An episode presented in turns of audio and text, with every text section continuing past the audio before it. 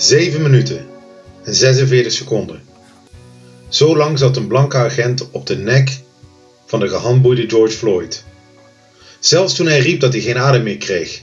Zelfs toen hij bewusteloos werd. Zelfs toen medici al ter plekke waren, ging de agent niet van zijn nek af. Het gevolg hebben we kunnen zien de afgelopen dagen. George Floyd, een zwarte man, vader van vijf kinderen, christen, is overleden. Het onrecht heeft gezegevierd. Duizenden Amerikanen gingen de straat op om te protesteren tegen het politiegeweld en een stem te laten horen tegen dit onrecht en het onrecht dat andere mensen aangedaan wordt vanwege hun huidskleur. En het bleef niet bij Amerika. Ook in Europa en hier in Nederland gingen mensen de straat op om te protesteren tegen racisme. Black Lives Matter. Ik zelf las dinsdag een artikel geschreven door de rapper Linne, die daarin vertelt hoe zijn zwart zijn zijn dagelijks leven beïnvloedt. Het is te verschrikkelijk voor woorden hoe hij zijn zoontje moet voorbereiden op de dag dat hij gezien zal worden als bedreiging, alleen maar door zijn huidskleur. Het onderwerp racisme is veel te groot om vanochtend in een podcast te behandelen. Toch wil ik drie Bijbelse principes aansnijden die voor ons als brug belangrijk zijn in deze periode. En ik weet heel goed, en ik besef me ook heel goed, dat wij voornamelijk een blanke brug zijn. Daarom zijn er drie onderwerpen waar we goed en lang over na moeten denken, waardoor we uitgedaagd mogen worden en mogen laten inzinken diep in ons hart. Mijn eerste punt. Al helemaal op de eerste bladzijde van de Bijbel maakt God de mensen naar zijn beeld. Het imago Dei. Ieder mens, onafhankelijk van ras, onafhankelijk van huidskleur, onafhankelijk van achtergrond of levenservaring, ieder mens is even waardevol, omdat we gemaakt zijn naar het beeld van God.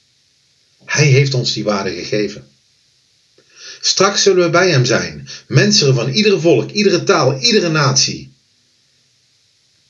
Er is geen enkele plaats voor onderscheid op basis van ras of huidskleur in de kerk van Jezus Christus.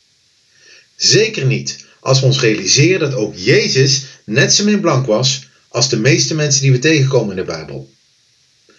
Een van de eerste mannen die gedoopt werd in de Bijbel was een Ethiopiër. Beseffen we dat?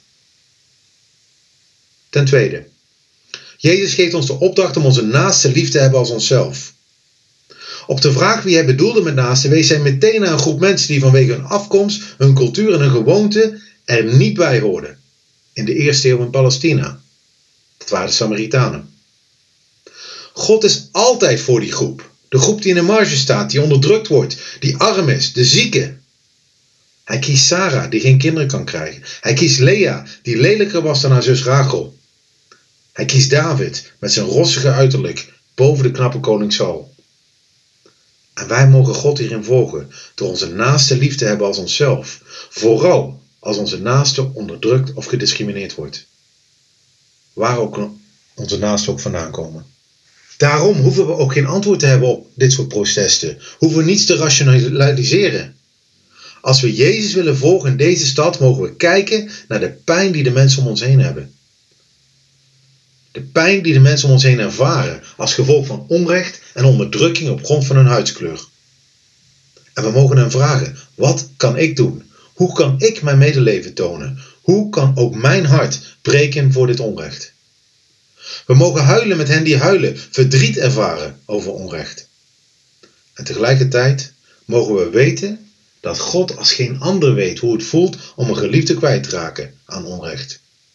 Omdat hij zelf hij heeft zijn eigen zoon onrechtvaardig zien sterven aan een kruis. Mijn derde en laatste punt is dat het hier veel verder gaat dan een gebod van God om niet racistisch te zijn. Onderscheid maken op grond van etniciteit gaat regelrecht in tegen het evangelie. Het goede nieuws dat wij in Eindhoven willen verkondigen. Petrus, een vriend van Jezus, had drie keer te horen gekregen dat hij als Jood de niet-Joden moest liefhebben zijn leven met hem moest delen.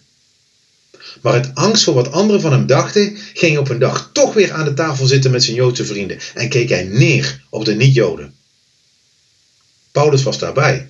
Hij werd woedend op hem. Niet omdat Petrus een regeltje had overtreden. Maar, zegt Paulus, omdat Petrus niet wandelde volgens de waarheid van het evangelie. Namelijk dat God ons lief heeft. Niet vanwege onze afkomst, niet vanwege wat we wel of niet doen, niet omdat we braaf zijn, maar omdat God van ons houdt, ons lief heeft en God genadevol is, ongeacht wie we zijn. Racisme is jezelf belangrijker vinden dan een ander en dat gaat helemaal tegen het evangelie en het karakter van God in. En daarom rouwen wij. Rouwen wij over de onrechtvaardige dood van George Floyd. Rouwen wij met zijn familie, met zijn vrienden en zijn stad. Rouwen wij met de Afrikaans-Amerikaanse gemeenschap in Amerika. Maar ook met alle die pijn ervaren door racisme, onrecht en onderdrukking hier in Nederland, in onze eigen stad. We mogen ons tot God richten met de vraag die koning David al 3000 jaar geleden stelde. Hoe lang nog, Heer? Hoe lang moeten we nog toekijken als er onrecht is, als er ongelijkheid is, als er onderdrukking is, als er racisme is? Hoe lang, God, laat u dit nog toe? Hoe lang moeten wij wachten op een antwoord van boven? God, bent u blind? Ziet u wat er gebeurt? Grijp in, God. Breng licht in deze donkere tijden van onrecht.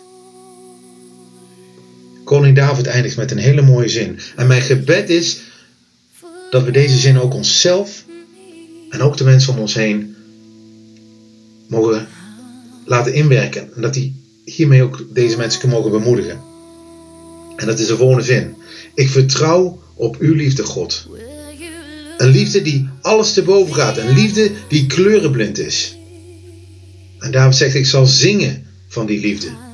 Want u bent goed geweest. En u zult goed zijn. God is goed. God is rechtvaardig. God is tegen onrecht. En Gods liefde heeft het kwaad overwonnen aan het kruis. En het recht zal uiteindelijk zegevieren. Ook voor George Floyd. How long,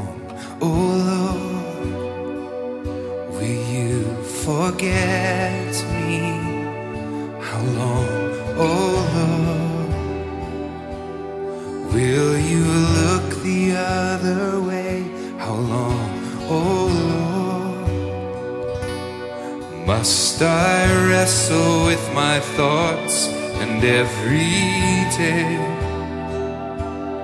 have such sorrow in my heart. Look on me and answer. Oh God, my Father, bring light to my darkness before they see me